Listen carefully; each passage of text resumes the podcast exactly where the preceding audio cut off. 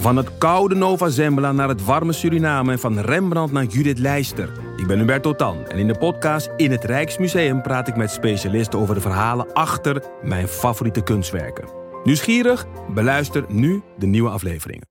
Het allereerste padje, vele slapeloze nachten en nog veel meer vieze luiers. Genoeg om je druk over te maken in die eerste duizend dagen. Dan wil je je niet ook nog eens druk maken over wat er in je babyproducten zit. Daarom houden wij het clean en simpel bij Naïef.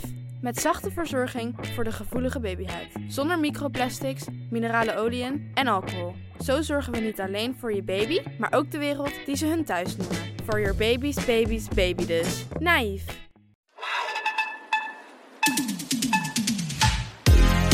Welkom bij VSR. Voorheen Schaamteloos Randstedelijk. De podcast over alles dat je wel bent, maar niet wil zijn.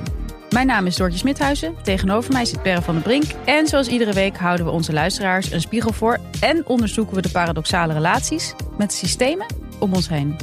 Ooit, in een heel ver verleden, zat er een stigma op online dating. Maar in de jaren 10 transformeerde daten door gamification... en begon het te swipen tot een onsbogen. Tien jaar later ontmoet het overgrote deel van de stelletjes elkaar online. Dating is een miljardenindustrie. En in die industrie zijn dingen aan het veranderen. Vandaag gaan we het hebben over de toekomst van daten. Wordt het de ultieme AI-gedreven ervaring? Of gaan we terug naar het tijdperk van handwerk? Maar eerst de actualiteiten.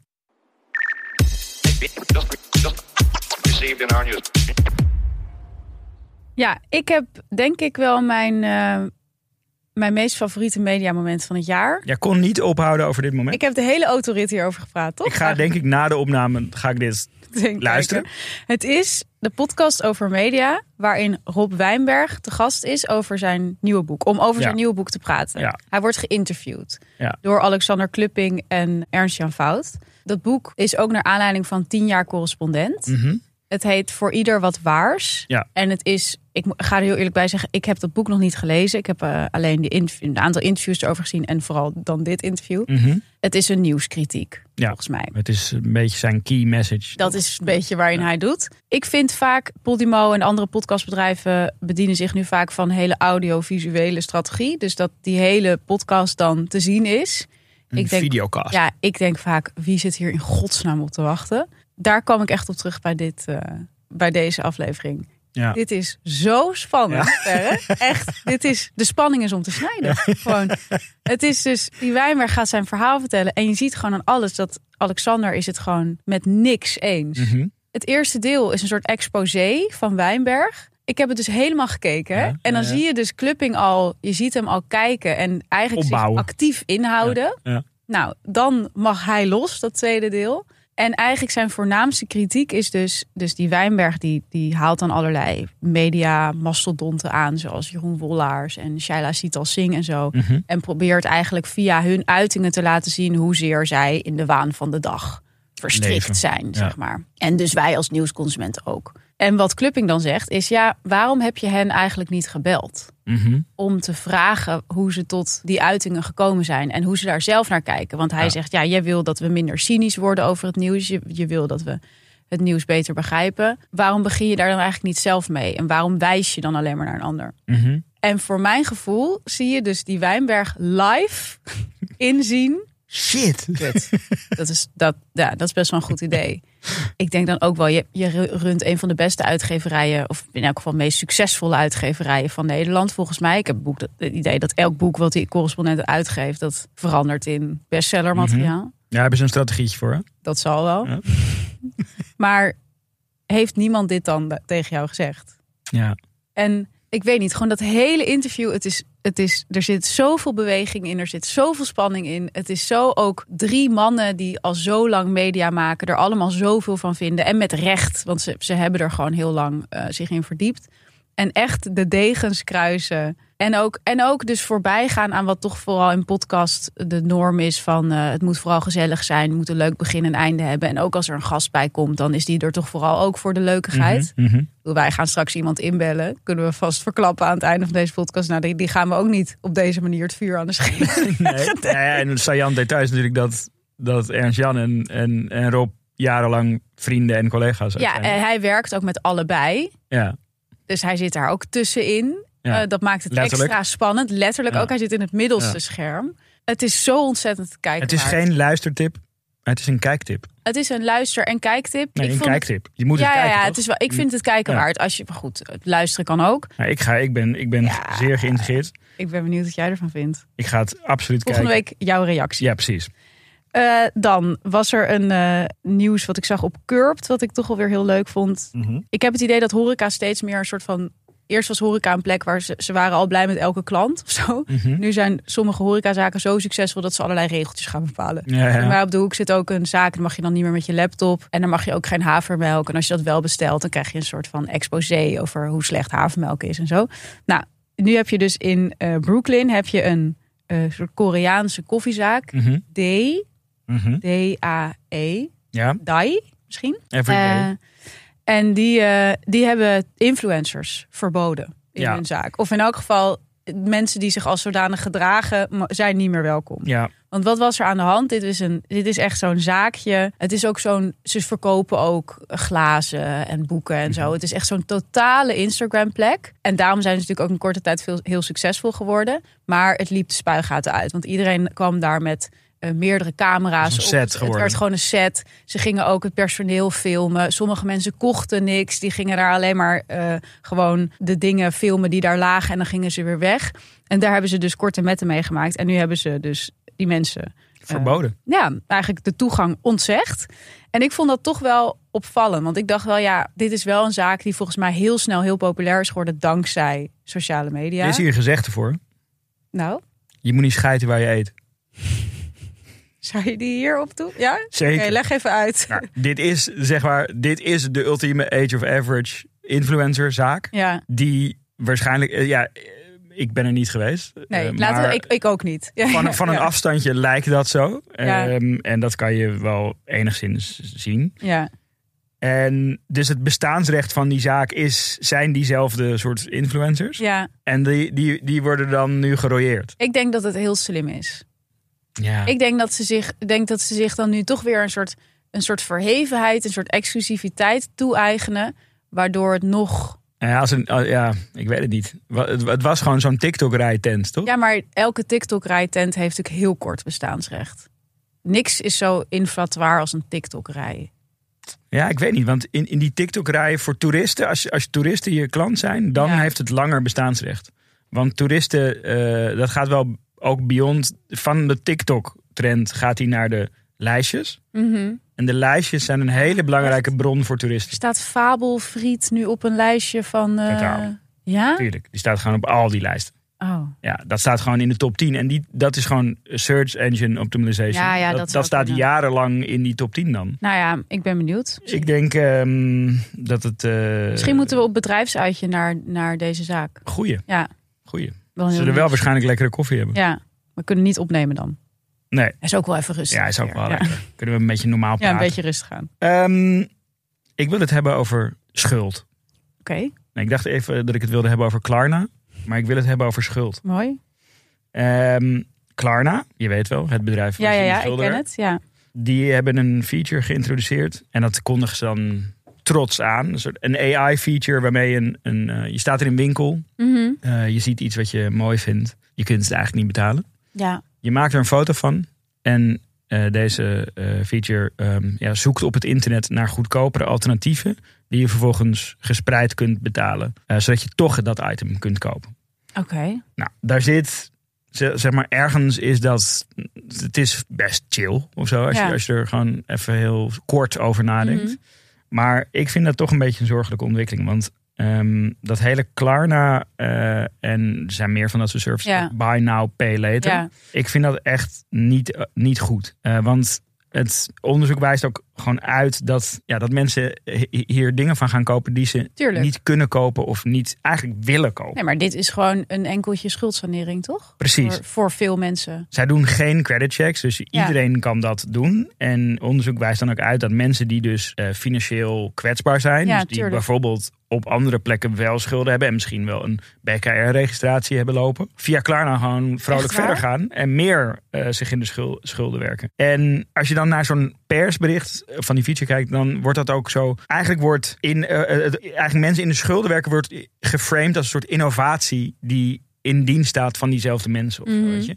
En dat vind ik gewoon ja, niet goed. Alsof het een service is naar mensen, terwijl het gewoon eigenlijk een, een zoveelste manier is om mensen gewoon totaal uit te knijpen. ja er, is, er is een onderzoekje gedaan dat, dat ehm, bij die buy now pay later services 69% van de mensen zou het niet kunnen kopen of Ja. kopen. ja, Ja, dat is gewoon best wel een zorgelijke ontwikkeling. denk heel. ik. Ja, zeker. Ehm, dus ik denk dat ze het niet moeten framen als een innovatie, maar dat ze gewoon moeten nadenken over wat hun rol is in schulden en jongeren. Ja, ik ben benieuwd of ze dat gaan doen. Ik ook. ik denk het niet, maar we Nee. gaan het in de gaten houden. Ik hoop het wel. Ja, ik hoop het ook. Ik kwam ook nog een interessant bedrijf tegen. Vertel, ja, je, je hebt het. eh, ik heb er al een beetje over gehoord. Ja, het is een bedrijf dat is opgericht door Sofia Collar. Een bedrijf in Nederland gevestigd. Het heet Human Material Loop. En zij komen eigenlijk met... eh, het zit ook in de kledinghoek. Mhm. Ehm, zij komen met een textiel oplossing. Of in hun eigen woorden. Ze zijn on a mission to create a true textile revolution. The biggest revolution of humankind. Vind ik altijd wel, heb ik wel respect voor als mensen hun eigen merk of start-up framen als the biggest revolution of humankind. Vrij balzie, Het zijn wel? geen halve Nee, maatregelen. dat is ambitieus. Zo frame ik onze podcast eigenlijk ook altijd. Als mensen die nooit geluisterd hebben, zeg ik: het is Ja, waarschijnlijk de grootste revolutie van de mensheid tot nu toe. Ja.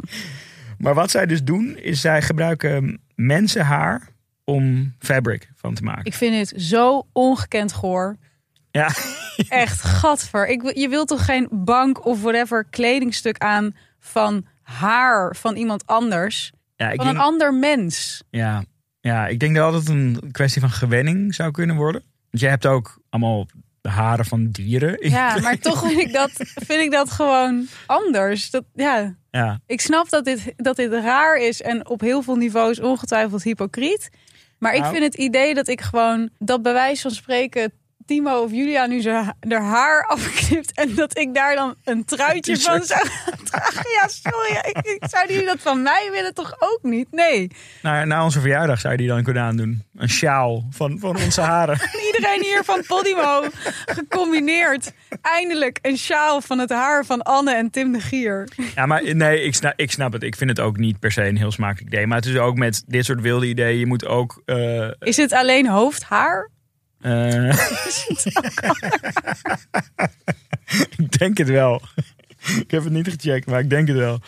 Maar het is wel als je het. ehm, ze hebben zelf dan een soort matrix gemaakt waarin ze dus verschillende eh, Ja, stoffen naast ja. elkaar ze- zetten. Eh, en ook beoordelen van oké, hoe, hoe, hoeveel chemicaliën worden eraan toegevoegd? Hoeveel werk is er voor nodig? Hoeveel pesticiden worden En eraan dan zie je gewoon dat. Evident. Is, ja, het is echt. Het is inderdaad en deze, een enorme revolutie. Deze Sophia is ook sowieso een best wel interessante ontwerper. Ehm, dus ik vond het op zijn minst een interessant idee. Nou, ik vind het ook op zijn minst interessant. Ja, nou, maar wellicht over tien jaar Volgende keer zitten wij hier in mensen haar trouw. t-shirts van elkaars haar. Ik heb er nu al zin in.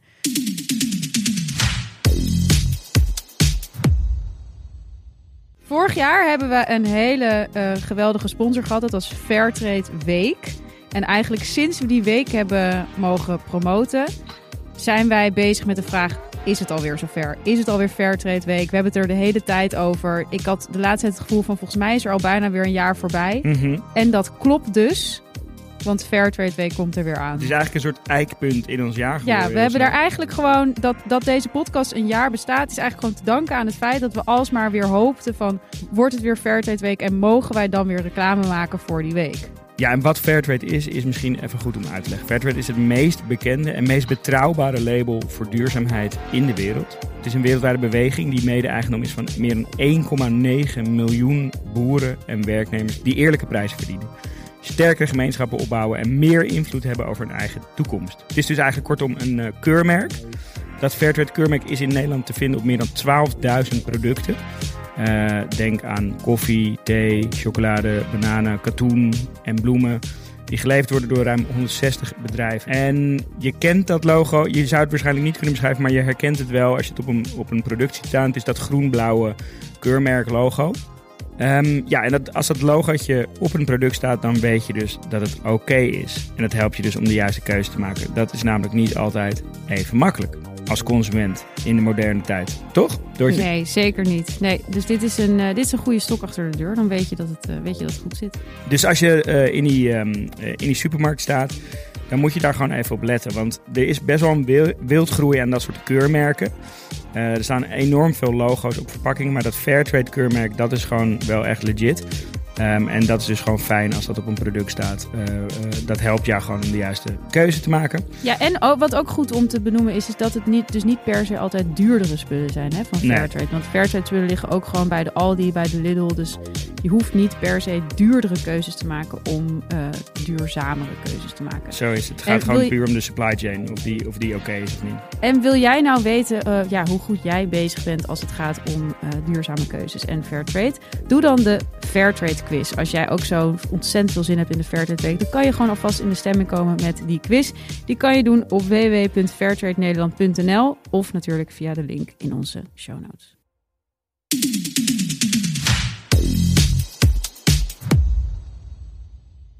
Oké, we gaan het hebben over de toekomst van daten. En dan vooral over de toekomst van dating apps. Want dating apps die bestaan nu eh, nou, inmiddels al best wel lang, sowieso langer dan tien jaar. En ze zijn echt gemeengoed geworden. Eh, het is totaal niet meer gênant om op een dating app te zitten. Maar ja, hoe gaat dat zich verder ontwikkelen? Dat willen wij onderzoeken deze aflevering. En eigenlijk de aanleiding was dat ik laatst een artikel las eh, over de opkomst van de personal matchmaker. Eigenlijk als een soort tegenreactie op die dating apps. Dus dat zijn dus gewoon mensen die je inhuurt om eh, ja, een relatie voor jou te vinden. Dat is in Amerika heel populair, ook in andere landen. En ook in Nederland wordt dat steeds populairder. Nou, dat is al heel interessant. En ondertussen heb jij het eigenlijk de hele tijd over eh, de manier waarop AI steeds meer wordt ingezet eh, binnen die dating apps. Om dan dus weer betere ja, relaties te vormen. Ja, en AI wordt nu ook ingezet om die fase daarna binnen zo'n app ehm, te gaan optimaliseren. Dus wat gebeurt er als je dan eenmaal die relatie hebt gevonden? Hoe kan zo'n service dan alsnog een rol in je leven spelen? Daar zijn ze nu naar aan het zoeken. Maar goed, dus het zijn eigenlijk twee eh, soort van ja, ogenschijnlijk eh, tegengestelde trends in datingland. Eh, daar gaan we het over hebben. We gaan ook een matchmaker inbellen zometeen. Daar heb ik zelf erg veel zin in. En eh, ja, laat, laten we gewoon erin haken. Want ja, wat is jouw ervaring of zo met dating apps? Of waar, waar denk jij dan als eerste aan? Ik ben teruggegaan in de tijd. Ik heb mezelf weer teruggeplaatst in een bruil- op een bruiloft in 2010. waar Oké. En daar was ehm, de running gag. eh, iedere bruiloft heeft een running gag, toch? Dus, dus iemand moet het ontgelden. Oké, ja, ja, gedurende ja. de bruiloft, toch? Ja. Er is altijd een persoon of een, een situatie die Mhm. de hele tijd wordt opgebracht. Nou, bij deze bruiloft was dat de manier hoe het koppel elkaar ontmoet had. Namelijk relatieplanet. Ja, Dat, dat, zou nog steeds wel een running gag zijn, denk ik. Ja, maar dat in klinkt inderdaad als, als een soort bejaard... Ja, eh, bestaat dat nog? voor Eh, 60-plussers. Ik denk het wel, ja. Waarschijnlijk bestaat Ja, het nog. ja. Maar het, het, het, het idee van relatie... Het bestaat niet meer, zegt Timo. Wel leuk dat Timo vanaf nu gewoon lekker getarget gaat worden. Ja, ja, ja. Als, Je zoekt nu als relatieplannen. geriatrische dater. Ja. Precies. Maar goed, dus zij hadden elkaar op Relatieplanet ontmoet. En dat werd op alle mogelijke manieren uitgemeld. Maar was de grap dan dat ze elkaar op Relatieplanet hadden ontmoet of via Nee, nee, een nee, nee. site? Nee, gewoon online dating. ja, ja, ja, dat maar. was Het- toen het nog awkward. bizarre idee Ja. van dat ze elkaar online hadden ontmoet. Hè? En dat we de, de ambtenaar van de burgerlijke stand, alle vrienden, alle familie, iedere speech stond dat centraal. Eh, en het, en Kan je het- nu toch niet meer voorstellen? Nee, dus nu, Het is nu 13 jaar geleden. precies. Ja, Nu is, is de meerderheid van de stellen ontmoet elkaar ehm, eh, eh, online. ja, ik denk inderdaad een jaar of tien geleden of zo. Of misschien iets minder. Maar dat, dat ook NRC of zo kwam eh, met een groot artikel over de eerste Tinder-babies. Ja, ja, ja. Dat, dat, zo, dat er bijna nog een soort futuristisch gevoel aan werd toegekend. Ja, van, alsof het cyborgs waren. elkaar dus online en dan krijg je een baby. Dat vonden wow. mensen echt heel gek. Terwijl nu is het, ja, het is bijna eh, wie ontmoet elkaar niet. Nog, ja, dat, dat, is, dat wordt Ja. meer de speech, zeg maar. Ja. Ze, ze hebben elkaar Ja, dus ze hebben elkaar in dus... een café ontmoet. Ja, dat is, dat, dat is Ja. dat voor heel veel mensen volgens mij bijna niet meer voor te stellen. Ja, we hebben het, zijn het ook even gaan, gaan eh, crosschecken met onze luisteraar. Ja, Dus de, de meeste onderzoeken die we vonden zaten dus rond de 60% van Ja. de mensen die elkaar online ontmoeten. 50% van de luisteraars heeft wel eens een relatie gehad met iemand via een dating eh, app. ja, Eh, en ongeveer de helft van onze luisteraars is bereid om voor een app te betalen. ja, precies. Want daar willen we deze aflevering ook vooral over hebben. Over hoe dus al die dating apps tot weer een soort nieuwe exclusievere markt van dating apps. Zoals met alles eigenlijk. Maar Daar, dat was overigens niet echt een populaire propositie bij onze luisteraars. nee, wat dan? Nou, wellicht eh, dat mensen niet worden toegelaten of zo. Maar de- Oh ja, er was heel veel negativiteit over Raya en exclusiviteitsapps. ik snap het wel hoor. Raya is echt een vreselijke plek. Ja. ja? Ja, ja dat is eh, de enige dating app waar ik zelf eh, wel eens eh, een, teen, een teen in het water heb ge- mhm. gestoken. Heel eerlijk gezegd wel echt met als enige reden omdat ik hoorde dat Gregory van der Wiel erop zat. Ah. En het leek me gewoon heel erg lachen om een keer met hem op date te gaan. Je, Is toch, dit, dat je toch in je zou hoofd... zomaar kunnen gebeuren. Nou, I tried. ik heb dat gewoon een week actief geprobeerd. Ja, ja, ja. Rekels. Toen dat niet lukte, ben ik er ook weer afgegaan. Maar ik snap wel dat Hij was veel mensen... te druk met investeren. Hij is, hij is een hele actieve investeerder. Oh ja? Ja. Ja, het is gewoon een hele leuke jongen. Dat is duidelijk. Maar goed, misschien ook te leuk voor dating apps. Dat zou kunnen. En je ziet het dus. Ik, ik, ik denk ook dat achter de scherm. Want eh, wat je nu bijvoorbeeld ziet in, in wat grotere dating apps. Is dat ze allemaal van die verschillende eh, features eigenlijk Ja. introduceren. Dus eh, premium abonnementen. echte matchmakers bij Tinder worden, Oh ja? worden geïntroduceerd. Dus dat gewoon een mens. Ja, gewoon zo van dat gaat je. Eigenlijk gaat het gewoon direct in tegen de propositie van de app. Dat je dan toch met handwerk de beste matches Mm. krijgt. Maar da daar liggen ook gewoon, even los van dat het misschien een soort cultureel te verklaren is. Ja, Ja, dat zijn ook gewoon investeerdersdynamieken. Gewoon een investeerder die zegt, er zit gewoon niet ge- genoeg rendement hierop. Jullie moeten duurdere abonnementen introduceren. Er moet meer diversificatie in de Ja. omzet plaatsvinden. Wat gaan we doen? En dan ga je natuurlijk een beetje soort post-rationaliseren. Nou, in deze tijd van verbinding zijn mensen toch weer op zoek naar echt menselijk contact. Eh, Ja. Dus weet je wat we doen?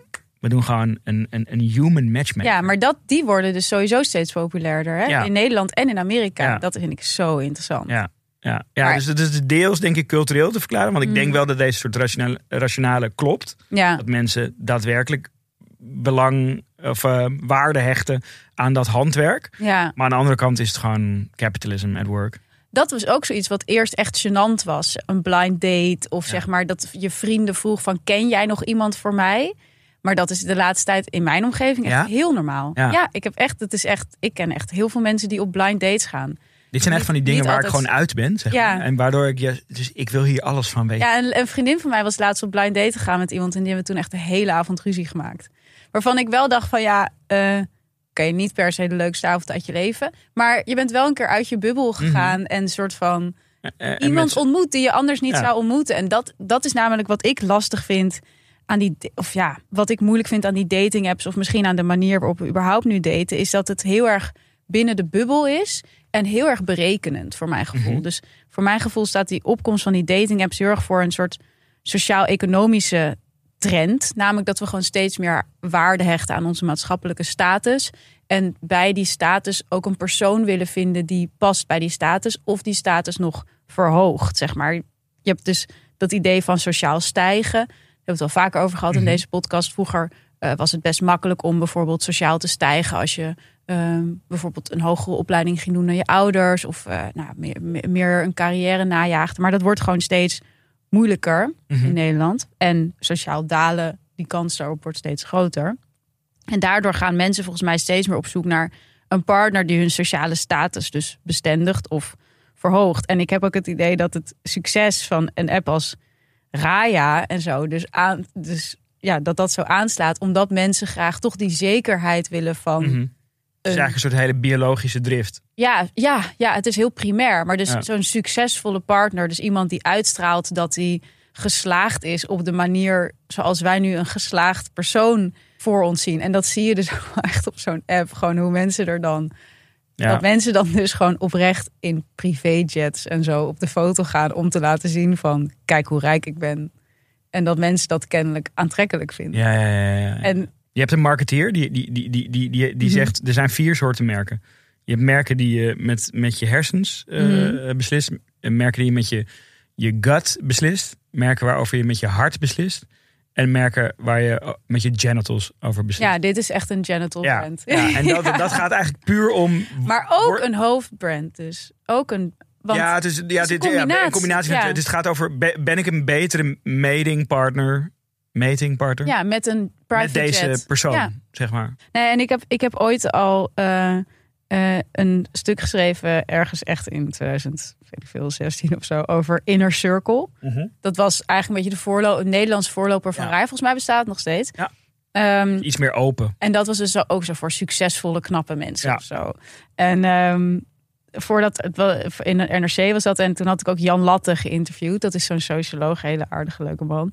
Ehm, en die eh, beschreef dan ook dat door die fear of falling, dus door dat, die angst voor sociaal dalen en de focus op sociaal stijgen, komen er dus steeds meer van die power koppels. Mhm. Dus mensen willen eigenlijk niet meer onder hun sociale status daten. Dus ze willen altijd iemand die even hoog opgeleid is, evenveel verdient, evenveel carrièrekansen heeft als zij zelf. En daardoor wordt de samenleving ook steeds Ja, gesegregeerd. is, is dat iets van alle? Dat, is dat niet iets van? Nee, dat is dus wel redelijk nieuw, omdat mensen vroeger veel eerder settelden. Dus vaak eh, was je gewoon op de middelbare school of zo, werd je al een keer verliefd. Had je niet door.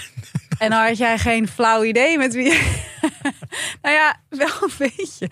Dus zeg maar, dan, dan, dan was je natuurlijk veel eerder al gezetteld. En dan ging je daarna eens even carrière maken of zo. En da- daardoor mengden mensen wel meer in hun koppels. Dat is althans wat ik Maar van, dat is, als je van hem echt lang terug, eh, zeg maar, als je een paar eeuwen terug gaat, dan heb je een heel duidelijk soort klassensysteem, toch? Waar mensen nooit Mhm. aan. Ja, van de adel en eh, Precies, ja, gewoon, super, gewoon echt met soort kasten. fysieke grenzen, bij Ja. wijze van spreken. Maar hij zegt dus, de afgelopen eeuw of zo Ja. is dat eigenlijk verminderd en nu wordt het weer meer. Eigenlijk wel. Ja, precies. Grappig. Ja, interessant hè? Ja. Maar goed, en het is, kijk, sowieso is dat die focus op het power koppel, dat is al best wel lang. Dus je had in 2015 of zo, had je de New Republic, die zei toen al van, oh, we leven echt in de eeuw, de tijd van de power couple. Dus dat je dan Bill en Hillary Clinton had. Maar ja, dat is natuurlijk ook wel echt een power couple. Waar moet je daarom lachen? Ja, omdat ik gewoon, ik vind hun zo'n eng koppel. Veel boomer koppel. Nee, ik vind, eh, er is niets transactionelers dan het huwelijk van Bill Nou en ja, Hillary maar het huwelijk wordt steeds transactioneler, denk ik, voor veel mensen. Maar kan, je niet, kan het niet en-en zijn? Dus dat je en iets aan elkaar hebt en een leuke tijd met elkaar kan hebben? Dat kan. Maar, Zijn wij niet ook een transactioneel koppel? maar wij hebben hele leuke Dat autogesprekken. is waar. Nee, maar, maar- ja, dat kan. Maar ja, goed, ik ken ze ook niet. Nee, ja, Maar ik, dat lijkt bij hun echt nee, maar ik, totaal ik niet heb het geval. dezelfde reactie als jij. Zeg maar, dus dat ik denk van, oh, walgelijk. En eh, ze zijn alleen maar bij elkaar voor het succes of zo. Zij zijn House of Cards. Ja, maar, maar zeg maar, zijn we niet allemaal een beetje House of Ze Cards? zijn toch niet die, die, die, die, die dynamiek Maar van onbewust? eh, Kevin Spacey en die, hoe heet ze Ja. ook weer? Frank en, en, en Carrie Underwood of zo? Ja, Dat is toch niet hoe we allemaal zijn? Is anders, dat- ik, maar ik weet niet meer. Of hoe heet ze nou? Frank Underwood? Ja, heet toch? Frankie en eh, Karen of zo. Het ook is ook een tijd geleden. Ja, maar Nee, dat... maar dat is juist Nee, ik geloof, ik wil niet nee, geloven maar dat wij allemaal is zo ook zijn. wat New Republic en zo zeiden van juist die focus ook op die, dat soort stellen, dat we dat nu zo interessant vinden, dat laat zien dat, dat ergens deep down in onze relationele sfeer zit dat inmiddels ook. Dat geloof ik ook. Dat geloof ik ook. Ik geloof niet dat. Of, nou, ik, ik denk dat het heel moeilijk is momenteel om een relatie aan te gaan waarin dat helemaal niet speelt. Ja, dat, dat, dat geloof ik ook wel, ja. Ehm, Dat geloof ik ook wel. Ik geloof wel dat het bij, bij, bij alle relaties een rol speelt. Maar ik vind dit wel een soort van het absolute einde van dat spectrum. Dat het gewoon... Nee, tuurlijk niet. Maar ook als je kijkt naar bijvoorbeeld, nou, nu Victoria Beckham en David Beckham, hoe Mhm. daar, ik bedoel, ik ben daar ook helemaal weer mee geobsedeerd met dat stel. Ja. Ik las nu ook weer op Vulture volgens mij een artikel over eh Brangelina, weet je wel, Brad en Angelina, dat we dat zo interessant vonden. En daar stond ook heel erg eh, in van, zij waren zo interessant omdat ze ook elkaar naar een hoger niveau tilden, zeg maar Mhm. Hij kreeg meer credibility als acteur door met haar te zijn. En zij kreeg een soort van opener Ja. profiel. Zij waren voor elkaar super. Zij zijn voor elkaar heel Ja. belangrijk geweest. Ja. Ehm, nou, we hadden het er laatst ook over met, Met Kylie. En Kylie ja. Dus ik denk wel dat het, dat het heel erg aan de hand is. En goed, je ziet het dus enorm. Dus eh, die Latte die haalde toen ook cijfers aan eh, van het CBS. Dat dus eh, het aantal gelijk opgeleide stellen al een hele tijd toeneemt. En ook het aantal stellen eh, waarbij de vrouw hoger is opgeleid. Het is natuurlijk voor vrouwen ook nog steeds belangrijker dan voor mannen. Weet je, Mhm. vrouwen moeten veel meer moeite doen om hun sociale en economische status te bestendigen. Ja. Dus voor hen is dat ook je hoort toch ook altijd, en dat was ook, is ook op dat Raya volgens mij, er zitten veel meer vrouwen op dan Mhm. mannen. Maar hebben we het Terwijl- er laatst ook over gehad dat in Amerika dat, dat, dat er een, eigenlijk een soort overschot aan hoogopgeleide vrouwen Ja. is ten opzichte van. En in Nederland is dat ook in alle, in Dus alle dat is een groot powerkoppel probleem. is een powerkoppelprobleem. Ja. Maar dan zie je dus dat op dat Raya zitten veel meer vrouwen. Ja. Eh, maar op Field zitten veel meer mannen. En wat, wat Ja, dat zegt natuurlijk heel veel over wat Violent. mensen willen. Ja. ja, ja, ja. die denken, ik kijk wel even uit met die, eh, die sociale stijgers. Dus als dat steeds belangrijker wordt, dan is, het ook, dan is ook de opkomst van AI in deze services, eh, eh, die dus eigenlijk dat, dat curatiesysteem versnellen, Mhm. eh, is ook wel dan logisch te verklaren of zo, toch? Ja, ik vind, ik vind dat dus heel raar. Dat hele AI-verhaal. Ik denk, als, wat jij hebt met, met de Underwoods en de Clintons... dat heb ik een beetje met AI. Maar dus wat, wat jij net vertelde over dat onderzoek, dus dat mensen daar al dan niet bewust veel meer mee bezig zijn, dat, dat, dan vind ik het dus heel logisch dat je de tijd, ja, dan moet je dus beter zoeken, zeg maar. Ja, Dus dan is het logisch dat je op een gegeven moment ben je wel een keertje uitgeswiped. Dat, Ja. dat punt is een beetje aangekomen. Dat mensen gewoon een beetje moe zijn van dat gegamifiede play-karakter van Tinder. Hoe dat, dat was natuurlijk toen dat opkwam van Ja. wow, dat is gewoon lachen. En dan oh, gingen mensen zit dat... er nog op Tinder? En dan gingen, gingen mensen dat in de kroeg met elkaars profiel als een soort spel gewoon, Ja. weet je.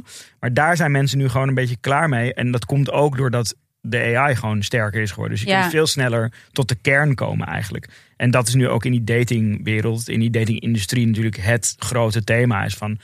Wat gaat er gebeuren met die, met die AI? Dus in hoeverre wordt dat product ehm, eh, eh, straks beter? En Ja, en minimaliseert het eigenlijk de tijd dat je het nodig hebt. Ja, en als je dan hebt over die AI en hoe dat dan een rol speelt in die mhm. ervaring van zo'n dating app. Nou, je, ten eerste is gewoon die, die AI maakt dat algoritme gewoon. of Het algoritme wordt gewoon steeds beter. Daar komt het op neer. Er worden Ja. meer datapunten gebruikt. Eh, het kijkt gewoon naar meer dingen. Dus het kijkt hoe jouw ogen over het scherm gaan. Het ziet veel scherpere. Dat, hoe mijn ogen over het scherm gaan. Ja, dat er gewoon eye tracking. Je, je, je opent toch ook je telefoon met, Ja. je, met je ogen. Oh. Je betaalt met je ogen. Ja, Eh, dus je kan, Ja, je kan nee, ook zien hoe jij naar Gregory ja. van der Wiel met je ogen kijkt. ik kijk alleen maar naar die tattoos. ja, precies. En, maar, eh, en dan dat, dat algoritme kan ook veel scherpere en meer patronen zien in al die datapunten. Dus dat, dat maakt dan de, de, de selectie weer scherper. Dan heb je nog het hele VR en IR ehm, gedeelte. Want dat is, daar hebben we het nog niet echt over gehad. Maar ik kan me dus wel voorstellen dat zo'n dating service best wel cool wordt als je die Vision Pro van Apple hebt. En je kunt gewoon Wat is een Vision Pro? die gewoon die, die goggles, die, die, Oh, die ja. VR-bril. Die, die, ehm, ik heb hem nog niet eh, geprobeerd helaas. Maar Volgende hij, week zitten we hier met die bril ja, maar hij schijnt echt heel goed te zijn. Ja? Ja, ja, ja. En ehm, als je, stel je voor dat je, dat je gewoon een dating app hebt. En je hebt iemand leuks ontmoet. En je, die date kan gewoon direct plaatsvinden. Ja. Ehm, en je, je, je, je ziet elkaar waar, gewoon in, alsof wij hier tegenover elkaar zitten. En je krijgt gewoon op het scherm, word je gewoon begeleid in die date. Er komen gewoon leuke prompts. eh, dingen die je kunt doen. en zo. Ja, ik denk Het dat dat best wel... Soort, het wordt zo'n soort van eh, speelhal of zo. weet Ja, je wel. jawel, Alles een beetje, maar- en het moet allemaal... Jawel, maar ik bedoel, aan de andere kant, als je een echte date hebt, dan zijn mensen ook bezig. van, Oké, hoe gaan Ja, we dit? en trouwens, dan gaan mensen ook letterlijk naar een speelhal. Ja, of wa- waar zullen we het over hebben? Of vinden. zullen we Ja. iets samen gaan doen? Dus het is Zo. feitelijk hetzelfde.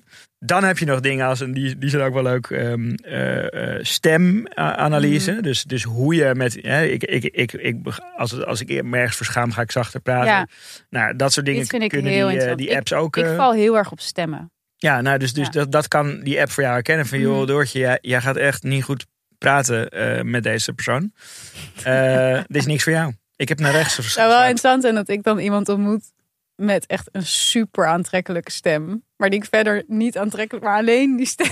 Ja, nee, maar het gaat soort vooral... heur. Ja, precies. Nou, ja, daar, ja, nee, daar kan je zeker eh, op vallen. Maar het gaat vooral om jouw stem. Hè? Dus het gaat op hoe jij op die heurstem Oh, oké. antwoordt. Dus de, dat, dat is, Merken aan mijn stem wat ik vind. precies. Oh ja. Dus dan weten we wat je echt van die persoon vindt. En als Oh. laatste heb je ehm, andere biometrische gegevens. Zoals hartslag, eh, dat soort dingen. Ja. Die, die je gewoon, als je, als je je smartwatch koppelt aan je dating app, dan heb je gewoon hele interessante datapunten die je over elkaar heen Je hebt gewoon leggen. geen enkel geheim Nee. voor de dating AI. Ja, dus als je deze voorbeelden een beetje opzomt, van ja, ik, ik vind ze dus niet Het zijn best wel goede toepassingen. Ja, mega. Maar ik, ik, Maar kan me wel. niet, ja, ik kan me niet ontworstelen dat je dan dus met een avatar gaat daten. Snap je wat ik bedoel? Terwijl ik, ik, sna- ik zie dus helemaal de loosheid van dit argument. Want Ja. Ehm, Want als het op een, eh, zo is het ook. Eigenlijk, kledingstuk aankomt, dan Nou, koop je ook dat ding wat jou En, geserveerd wordt. eh, zeg maar, dit zijn gewoon allemaal biologische dingen ja, die sowieso meespelen. ja, Maar ik vind het dan toch een beetje vies ja. dat een computer dat dan van je overneemt of zo. Ik had een, eh, een ehm, eh, keynote van Whitney Wolf van, van Bumble Mhm. geluisterd op, op een, op een tech-conferentie. En zij zitten dan weer. Kijk, want als, je, als, je het eigenlijk, als de AI het product dermate veel beter maakt dat je het veel korter nodig hebt, Ja, dan heb je maar ook een wel korter. goede reclame. Goede, goede Als reclame. iedereen zegt, ik heb mijn partner via die app. Sommige, sommige eh, ehm, van die apps gebruiken dat letterlijk als de propositie. Ja. Dus eh, nou, we hebben daar laatst inderdaad ook een Ja. campagne eh, Ja. voor gehad. Dus hè, het is zo goed, je kunt het heel snel deinstalleren. Mhm. Maar wat je dus ook ziet, is dat ze denken van ja, oké, wat komt daarna eigenlijk? Van eh, als je iemand succesvol hebt afgeleverd in die relatie, Ja. dan is het niet per se klaar. Of zo. Die relatie heeft eigenlijk ook onderhoud nodig. Denk je dat mensen dan ook, dat apps dan ook relatietherapie gaan aanbieden? Dat gaan ze al doen. Oh, echt? Ja, dat is dus zeg maar wat ook wat, waar zij mee komt. Van, Maar dan ook met AI. ja, Oh Ja. god. ja, maar ik, denk- ik denk dat dat echt niet zo gek is. Want dat is eh, terug naar dat voorbeeld wat ik Oh al een keer eerder God. benoemde. Die Franse eh, start-up waar ik Ja, ik, ik zat er net aan te denken. Zij kwamen gewoon met de data van 80% van de mensen hun issues zijn generiek. Maar wow, oké, maar wacht even. Dan zou je dus, stel dat je dus, je hebt een AI-gegenereerde dating app. Mhm. Daar ontmoet je iemand via. Ja. Daar, dan moet je dus ook op een gegeven moment gaan aangeven van, wij hebben nu Wij een relatie, een relatie. met En elkaar. dan kom je eigenlijk in een andere funnel terecht. en dan weet die app gewoon van, oké, jullie hebben elkaar zo en zo eh, ontmoet. Die app weet sowieso fucking veel Ja, van je die weet natuurlijk. waar dus je- die weet wat waar je bent, doen. waar je, waar- hoe vaak je elkaar ziet, et cetera. Die kunnen denken van de komende drie maanden laten we ze met rust. Ja, maar gaat die app dan inderdaad na, na een half jaar aankloppen van... Jongens, hoe gaat het? We Ja. zien dat jullie elkaar wat minder zien dan in het begin. Eh, wij maken ons een beetje zorgen. Eh, zullen wij nou een jullie? keer een open gesprek organiseren? En dat je dan ook met die telefoon zo erbij... Dat die telefoon als een soort Esther Perel. Dan Ja, maar dat, gaat eh, dit gaat gebeuren, maar dan op een veel betere manier dan jij nu beschrijft. Hoe kan het op een betere manier? Nou, bijvoorbeeld door het eh, eh, te introduceren als soort van speelse nutjes die je met elkaar. Er zijn al een paar van die, van die, van die, ehm, van die services. Ja. Eh, Je hebt toch allemaal, ik weet niet hoe die heten, maar je, zo'n, dat je zo'n vraag krijgt als koppel en je ziet alleen het antwoord als die andere persoon het ook heeft beantwoord. Zeg maar, Ja. je kunt op een hele eh, lichtvoetige manier kun je mensen eh, vragen laten beantwoorden of soort van dingen met elkaar eh, laten doen die eigenlijk soort relatietherapie zijn. Je hebt die 36 questions to Ja, fall in nou, love. bijvoorbeeld. Ja. bijvoorbeeld Ja. nou, dat is meer to fall in love, maar dat, het onderhoud van die liefde is natuurlijk ook. Zij was, had toen wel echt een relatie gekregen hè, met die, die onderzoeker die die. de- ja, 36 ja, ja, ja, ja, ja, nee, dat was de ultieme case Ja, van haar eigen ja, onderzoek. daarom werkt het natuurlijk zo goed. Maar dat gaat dus bijvoorbeeld gebeuren. En dan krijg je dus, oké, dan komt er een soort nieuwe klant, namelijk de persoon die al in de relatie zit. Ehm, en die kan je met AI ook gewoon gidsen door die relatie heen. Eh, dus dan krijg, krijgt die app ook gewoon een veel Wat langere. vind jij hier nou van? Jij bent een romanticus. Eh, ja, maar ik, ik bedoel, ik, ben, ik hou ook van business. Dus Nee, maar ik snap gewoon niet dat jij hier dan wel enthousiast van kan zijn. En dat je wel een soort walging hebt naar Bill en Hillary Clinton. nou, ik, ik heb, ja, maar ik, ik snap dat wel. Want da, da, daar vind je ik, hun vind ik het, intentie. Je hebt de problemen met het hun menselijke intentie. startpunt van Bill en Hillary Clinton vind ik niet cool. Maar ik vind er niets mis mee met een relatie verbeteren met hulp van AI. Wat is daar, wat is daar eigenlijk wat is daar onromantisch aan? Ja, ik, elkaar- denk dat, ik denk dat het mijn zeg maar aarzeling zit in de uitgesproken generiekheid van het hele verhaal. Maar dat is natuurlijk ook niks is zo generiek als Nee, een relatie. want vraag maar aan Esther Perel of dat- of dat nee, dat generiek is ook is. zo. Dat Ja. zeg maar het enige wat letterlijk elk Precies, doet. Ja. precies. Dus dat is ook zo. Ja, en wat ook wel een grappige trend is, dan soort van tegenover die AI-trend, is dus dat de matchmaker, dus gewoon de ouderwetse De matchmaker. menselijke AI. Ja, de menselijke AI in dat kader, die wordt dus ook steeds populairder. In elk geval, ik las erover in de Atlantic dat dat dus eigenlijk internationaal een enorme trend is. Dat Mhm. mensen steeds vaker, ehm, ja, dus klaar zijn met die dating apps, klaar zijn met daten misschien überhaupt. En dan dus een bureau, een relatiebureau inschakelen om daar, ehm, ja, om voor hen een partner te, te vinden. Ja. En ik vind dat wel heel interessant. Want ik vraag me ook af van, Uh, nou, ik vroeg me sowieso af, is dat in Nederland ook zo? Uh, toen heeft Timo daar een beetje onderzoek op, gedaan. Toen bleek dat er best wel veel relatiebureaus in elk geval actief zijn in Nederland. En echt niet alleen maar voor zeg maar mensen van 50 of zo, maar Mhm. ook gewoon voor mensen van 30. Um, en ik ben heel benieuwd uh, waar die, ja, die potentiële relaties dan op baseren. En hoe zij mensen dan aan elkaar koppelen. Dus het leek ons leuk om een uh, bureau in te bellen. Dat gaan we nu doen. We gaan nu bellen met uh, Lotte. Zij heeft twee relatiebureaus. Jij snapt dat idee van diversificatie. Ja, ja, ja. zij, zij heeft, een, zij heeft een, basic bureau en een luxury bureau. Ja, waarvan ik net zei, waar zou dat voor staan? DTNG. ja. ja.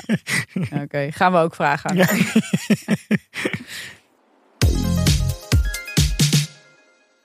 Hi Lotte, hallo. Hey Lotte. Hi. Hoi, je spreekt met Doortje en Perre. Hey, wat leuk dat wij jou even kunnen bellen. Lotte, wij maken een aflevering over uh, daten en over dating apps en ook over de opkomst van matchmakers. Jij bent matchmaker. Vertel, want je hebt meerdere bedrijven in de, in de matching. En wat, wat doen die precies?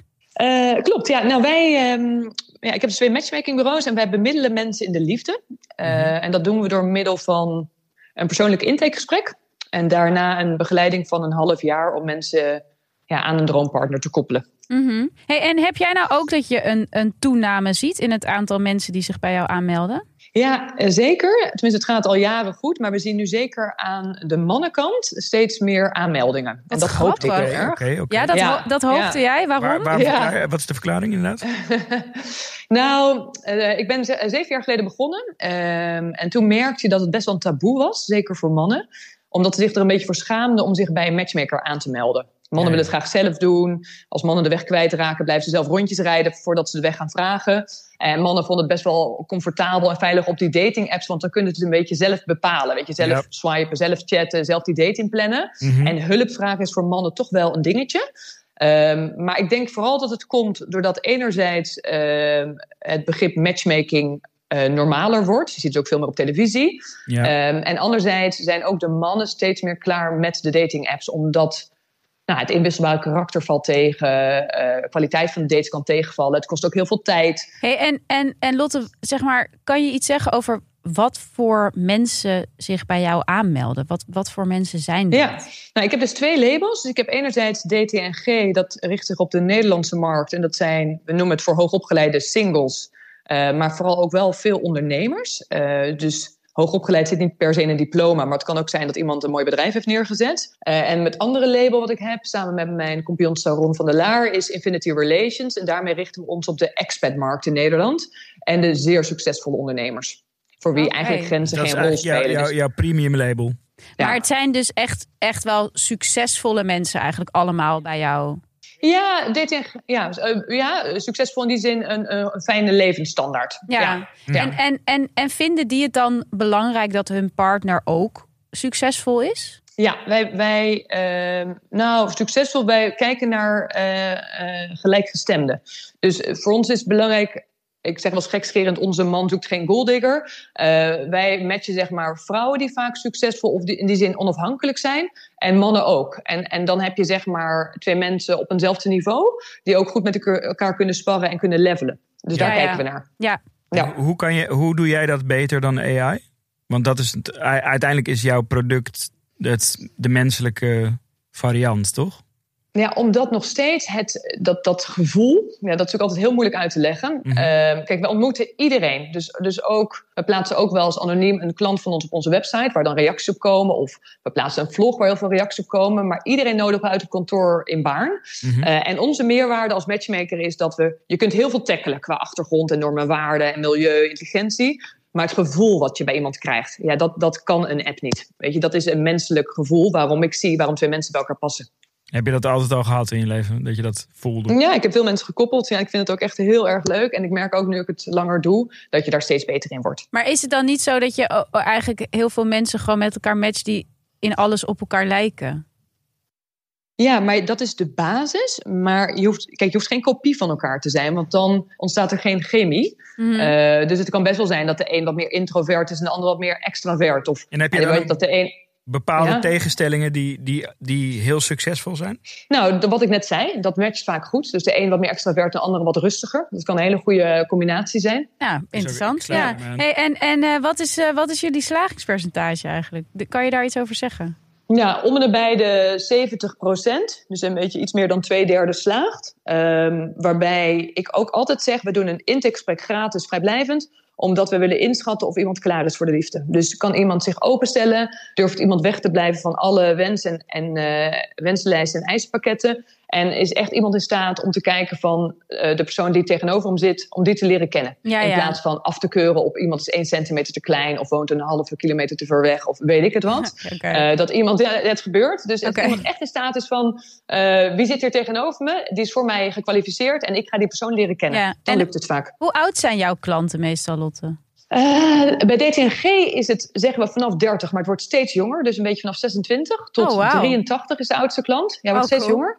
Oké. Ja, en ehm, Infinity zit een beetje tussen de 35 en 75. Ja, ja, oké. Maar het is wel interessant dat het dus steeds jonger wordt. Ja, terwijl ik dacht, weet je, toen ik 26 was, stond ik vooral in de kroeg en keek je gewoon om je heen. Maar die markt is gewoon enorm aan het veranderen. Ja? Weet je, mensen van 26, 27 kunnen ook wel een hele, gewoon een goede baan hebben, leven op de rit en denken, ik heb helemaal geen zin om op vrijdagavond te gaan eh hunten in een bar. Ik vind het gewoon fijn dat er voor me gezocht wordt en dat ik gewoon op date ga met iemand die bij me past. ja. Vind je dat sociaal gezien een gezonde ontwikkeling? Nee, nee. Nou, met name dat, dat was een tijdje, ook met die dating apps, is dat... eh, dat je dan bijvoorbeeld in een kroeg stond en dat je via een dating app zag dat je een match bent met iemand die ook in die kroeg In stond. En dat je kroeg, elkaar ja. bij wijze van, Ja, ja, dat je dan bij wijze van spreken nog elkaar een app ging sturen of een berichtje via die telefoon. Dat je denkt, jezus, vroeger stapte je op elkaar af. ja. Dus, dus dat is echt wel veranderd. nou, ik ja. kan me dat ook wel voorstellen als jij mensen binnenkrijgt van 26, dat je ook misschien wel denkt van joh, ga nog een paar jaar eh, het leven Fladderen. in. Ja. Ben je klaar voor Ja. de liefde? Ja, ja, maar ja, het lijkt wel de mensen ook wel steeds vroeger toch wel serieus worden. En, en ook het allemaal goed voor elkaar hebben. En denken, nou, ik, ik, ik pak Ja. het wat serieuzer aan. Waar ook wat voor te zeggen is natuurlijk. Hey, en en eh, is het duur, Lotte, om eh, je bij jou eh, aan te melden? Ja, wat is duur? Het is, bij DTNG is het tussen de 3500 en eh 52,50, afhankelijk van ehm, welk pakket je kiest. En dat is van basispakket matchmaking of in combinatie met een fotoshoot bij ons fotograaf. Eh, of een stuk extra coaching erbij, dus een aantal coaching sessies. Oké. En Infinity ligt ietsje hoger. Dat is tussen de 7 en 15.000 euro. Eh, variërend van 6 tot 12 maanden. Met ook pakketten die je kunt uitbreiden. Ja, ja, maar dan krijg je dus ook een soort consultancy en zo erbij. Ja, het is, het is natuurlijk een heel stuk coaching gedurende het proces zit erin. Eh, maar bijvoorbeeld wij plannen ook de date, we reserveren, we evalueren de date van beide kanten. Ik noem onszelf als gekscherend matchmaker, datingcoach en ook PA voor onze klanten. Ja, ja, ja. Ja. Want zeker klanten in het hoge segment willen ontzorgd worden. Weet je, Ja, hoe fijn ja, ja. is het als je net aankomt vliegen en de date staat klaar, bij wijze van spreken. Je weet waar je moet melden en je weet dat het in ieder geval goed is wat je die avond, wie je die avond gaat Ja. zien. Eh, met daarbij, zeg maar, dat het bij Infinity Relations, ehm, want je kunt denken, is het duur, maar het werk is heel arbeidsintensief. Dus wij putten uit een database, maar daarnaast zoeken we ook veel buiten de database, eh, middels eh, verschillende kanalen. Maar de personen die wij vinden, die kwalificeren we allemaal weer persoonlijk. Dus ja, daar gaat tijd in zitten. Ja, ja. En, en hoe ziet dat, ziet dat coaching er dan uit? Wat, op, op wat voor manier word je dan ge- gecoacht? Het kan heel breed zijn. Dus het, het kan een basis zijn van blokkades waar je tegenaan loopt uit eerdere relaties. Eh, tot aan een stuk bindings, verlatingsangst of trauma's uit het verleden. Maar echt gaan kijken van wat zijn terugkerende patronen waar je last van hebt. Waardoor, je niet, waardoor het niet lukt om je open te stellen of de verbinding aan te gaan. Ja. Maar het kan ook zijn tot aan kledingadvies. Of Oh ja. eh, bepaalde dingen waar mensen onzeker over zijn. Worden ook als het weekend gebeld van wat moet ik aan. Ja, dat klinkt gek, maar eh, ja, het gebeurt. Ja, ik kan me voorstellen. Hey, en Lotte, laatste vraag. Want bij jou gaat het dus eigenlijk hartstikke goed. Heb je het idee dat Ja. dat eh, bij jouw collega's ook zo is? Dus dat de hele matchmakerij zeg maar, eh, het goed doet? Eh, ja, vind ik lastig. Want we werken heel af en toe samen met een bureau aan de achterkant. Maar dat doen we eigenlijk steeds minder. Ehm, ik heb wel het gevoel dat de trend van huur een matchmaker in om een liefde te vinden, dat dat echt normaler aan het worden is. Ja. ja. Hoe dat eerder dus in de grote steden zoals Londen en New York normaal was, is dat echt wel een beetje overgewaaid hier naartoe. Ja. Dus het wordt steeds geaccepteerder. Dus, Ja. dus zullen andere bureaus het daardoor ook, denk ik, makkelijker hebben. Ja. Ja, Nou, ik vond het heel interessant dit allemaal om te horen. ja dankjewel. Dankjewel. En eh, nou, tot ziens.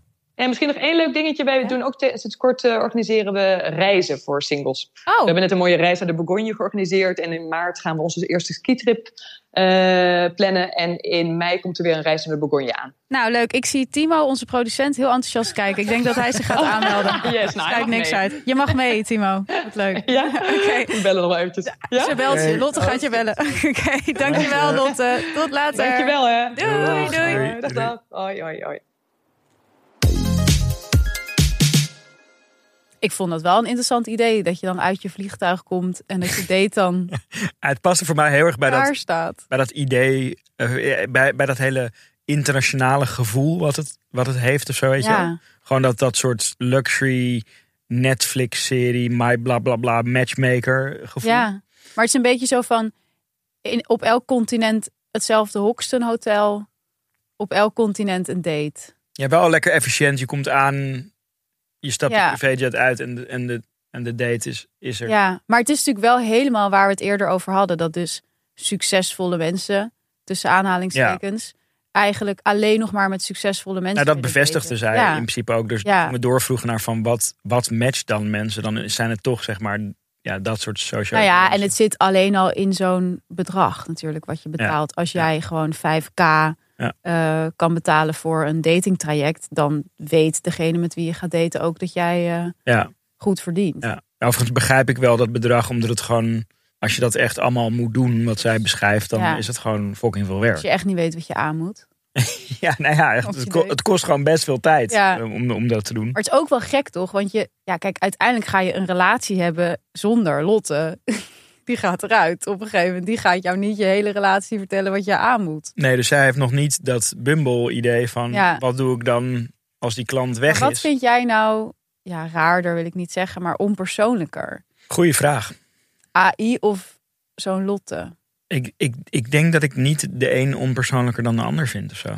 Ik, en als ik, echt moet, als, je, als ik echt moet kiezen, dan vind ik denk ik de, de matchmaker onpersoonlijker. Ja, omdat dat e- eigenlijk is die matchmaker is meer uitgesproken sociaal-economisch ingestoken, zeg maar. Dit is echt, dit, ik vind dit wel echt, zeg maar, wat, wat dat idee van dat powerkoppel, status, Mhm. relatie. Ja, uitgesproken. Ja, dat, de- je, je kan natuurlijk als het, het, het algoritme is niet transparant. Dus Nee, als dat je, weet je niet. precies. Dus maar je goed, kunt dat niet zo'n helemaal zo'n beoordelen. algoritme zit natuurlijk ook op eh, naar wat voor vrouwen jij langer blijft kijken of zo. Die Mhm. weet dat ook. Dus Mhm. misschien val jij wel op een heel ander type dan zo'n Ja, dus dat is of zo. Zou, Waarheidsgetrouwer. Ja, En- dus en ergens, ja, het is meer, meer likely om jouw echte smaak het is aan meer je op te je geven. onderbuik. zeg maar. Ja, op de genitals. Ja, eigenlijk wel. Ja, ja. Lotte is toch meer op de. G- ja brain toch wel, hè? Ja, ja, ja, ja. Ja. Nee, ja, precies. Maar dan zeg ik dus nu eigenlijk... Ja, wat wil je eigenlijk zeggen? Ik zit er terug te denken dat ik zei van... ik vind dat andere onpersoonlijker. Ja, voor mijn gevoel, maar eh, misschien klopt dat ook met wat Lotte daarover zegt. Van, zij zegt ook van ja, mannen vinden het toch eng om dat uit de handen te geven. Ze willen Ja, ja, zelf ja. het gevoel van controle hebben. Dat, dat heb ik dan meer bij zo'n soort AI. Terwijl dat natuurlijk ook niet Precies. in jouw controle ligt. Nee, dus dat is. Nou ja, goed, dat, dat trekt alles wat je maar kan, Ja. kan trekken. Eh, eh, dus dus het, Oh. het, het is wel wat het is of zo, weet Maar je. het is toch bijna dat je door dit soort dingen gewoon gaat terugverlangen naar van die soort Anna Karenina, Jane Austen-achtige liefdesverhalen. Waarin mensen gewoon knetter verliefd op elkaar Ja. werden. Gewoon door alle sociale lagen heen. En gewoon, gewoon het, het, het verschrikkelijke einde tegemoet. Gewoon zo'n relatie met elkaar aangingen. Ja, dat, dat heb ik ook wel een beetje. Het, voor mij is het ook weer wederom een soort uiting van de age of average. Ja, van, van, Die relaties worden ook je average. alles glad. Maar dat is toch ook zo? Als je bij ons door Noord loopt, dan zie je toch ook gewoon alleen maar dezelfde mensen met elkaar met dezelfde hond. In principe wel. Het Eh. zou ons niet moeten verbazen, dit. Nou, maar ik zit te denken of dat ik. Ik weet niet of ik dat nu meer vind dan vroeger. Nee. Eigenlijk. Dus, de, de- dus wat dat betreft, dat hele dat, dat, dat onderzoek van, van meneer Latte. Ja.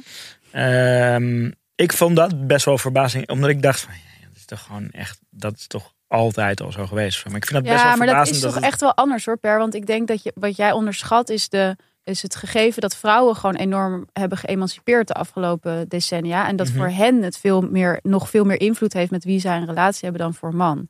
Voor mannen is het veel meer standaard om bijvoorbeeld een lager opgeleide vriendin te hebben. En vrouwen zijn toch meer bezig met hun verworvenheden, sociaal-economisch gezien, en zijn daardoor ook meer bezig met hoe ze dat in hun relatie, zeg maar, laten doorklinken.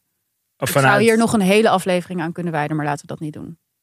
vanuit een soort achterstandspositie Ja, overkomen. als, je, als, als, als jouw eh, positie op de arbeidsmarkt in de maatschappij eh, veel korter geleden verworven is. Maar is dat iets wat bewust in jouw hoofd zit bijvoorbeeld? Nee, nee, nee, maar dat zit denk ik onbewust in je hoofd. En denk je dat... In dat- mijn dat- hoofd, ik bedoel, ik, kan, ik weet niet eens wat er in mijn hoofd Nee, maar meer van ben je, ben je bezig Nee, met... ik, nee, ik, ik vind nee, dat belangrijk. Nee, natuurlijk ben je daar niet mee bezig. Maar ik denk dat dat, dat, dat, dat, dat is nou precies waar onze podcast over gaat. Dat dat is hoe systemen, zonder dat je het door hebt, op je inwerken. En denk je dat de mm, man, dus de patriarchale structuur, dat, dat je nog nu ook nog bezig bent met andersom? dat dat het veiliger is om een... Om een lager opgeleide vriendin Ja? te krijgen? Ja. Ik denk dat het voor mannen veel veiliger is om een lager opgeleide, minder succesvolle vriendin. Dat, dat, zie je, dat, dat onderzoek hebben we het ook over gehad. Dat, dat, dat die koppels gelukkiger zijn. Ja, nee, nee, nee, precies, precies. Ja, dat is inderdaad wel een schrijnend onderzoek. Daarom zitten er zoveel meer vrouwen op Raya. Ja, dus wat dat betreft, als je dat dan, als je nu teruggaat naar die AI, die dus Mhm. meer scherpere, betere met, dan hangt Mhm. het dus heel erg van het algoritme af. Dus Ja, je kunt het algoritme progressief maken ja dat zou- of, of eh, Dat nou eh, conservatief. Ja. En dan dus ook keiharde relatietherapie erop. Dat zou je Ja. dus moeten doen. Dus je moet dus zorgen dat, dat er een, een, inderdaad een, een, een samenlevingsbeeld in, in die AI gaat zitten. Van wat voor samenleving willen wij? Ja. Nou, wij willen een gelijkere samenleving Ja. waarin vrouwen kunnen emanciperen. Waarin zorgtaken gelijker worden verdeeld. En daarop gaat hij dan keuzes maken. Dit is eh, voor, dan- voor een soort progressieve markt. Zou dit een ultieme Ja. positionering ook zijn? En die AI weet dan dus ook, want dat weten wij van vrouwen of eh, relaties waarin vrouwen bijvoorbeeld meer carrière maken, hebben veel meer kans om eh, tot een scheiding eh, te komen of gewoon tot eh, relatieproblemen. Dus die AI die gaat dan ook zorgen dat Op dat tijd wordt dat aangeboden. Ja. Ja, want dat kan dus Ben met... jij klaar voor de sociaal gelijke liefde? Precies. Oude, eh, sponsored door Ja, AI. zeg maar, ja. Ik had niet verwacht dat deze aflevering zou eindigen met een soort... Met weer een Dat wij- heel goed business Nou, ja, en dat, dat AI een soort van een, een, de power heeft om dat hele... Ik zou eh, dit dolgraag willen maken. Dit lijkt mij echt geweldig. Ja, het is wel echt een, het is, het is, het is een scherpe positionering. Als je, Ja. als je zegt van wij, wij, wij staan voor dit beeld. En dat algoritme is hierop gemodelleerd. Wij staan voor jouw liefdesgeluk en voor eh, vooruitgang van de hele samenleving. Maar zouden mensen dat dan doen, Do? Ik denk het niet, maar laten we daar nog even niet aan denken. Dus toch niet zo'n goed business idee. Ja, maar niet elk. eh nee, wel. Ik wil dit maken. Ja, maar zeg maar eh, vanuit een winstoogmerk zit ik even te denken. Ja, maar. Maar wel een goede journey. Wel een journey die niet ophoudt bij het matchen. Daarna gaan we die relatietherapie. Maar jij bent helemaal. Jij bent Scheidingsbegeleiding. poli- Politiek ben je geëngageerd geraakt. Je bent Volt aan het helpen. Dan kan je, kunnen we toch ook zoiets. Nee, nee, nee. Ik, ik- denk dat jij even eh, door moet pakken nu. Ja, ja. Weg Ja. van het winstoogmerk en richting de sociaal, sociaal gelijktrekkende dating. AI-revolutie. Met AI. Oké, jij Ja. mag AI. Sociaal-economische AI-revolutie. Ja, precies. The biggest revolution of humankind. Daar is hij. Tot volgende week. Tot volgende week. Tot de volgende revolutie.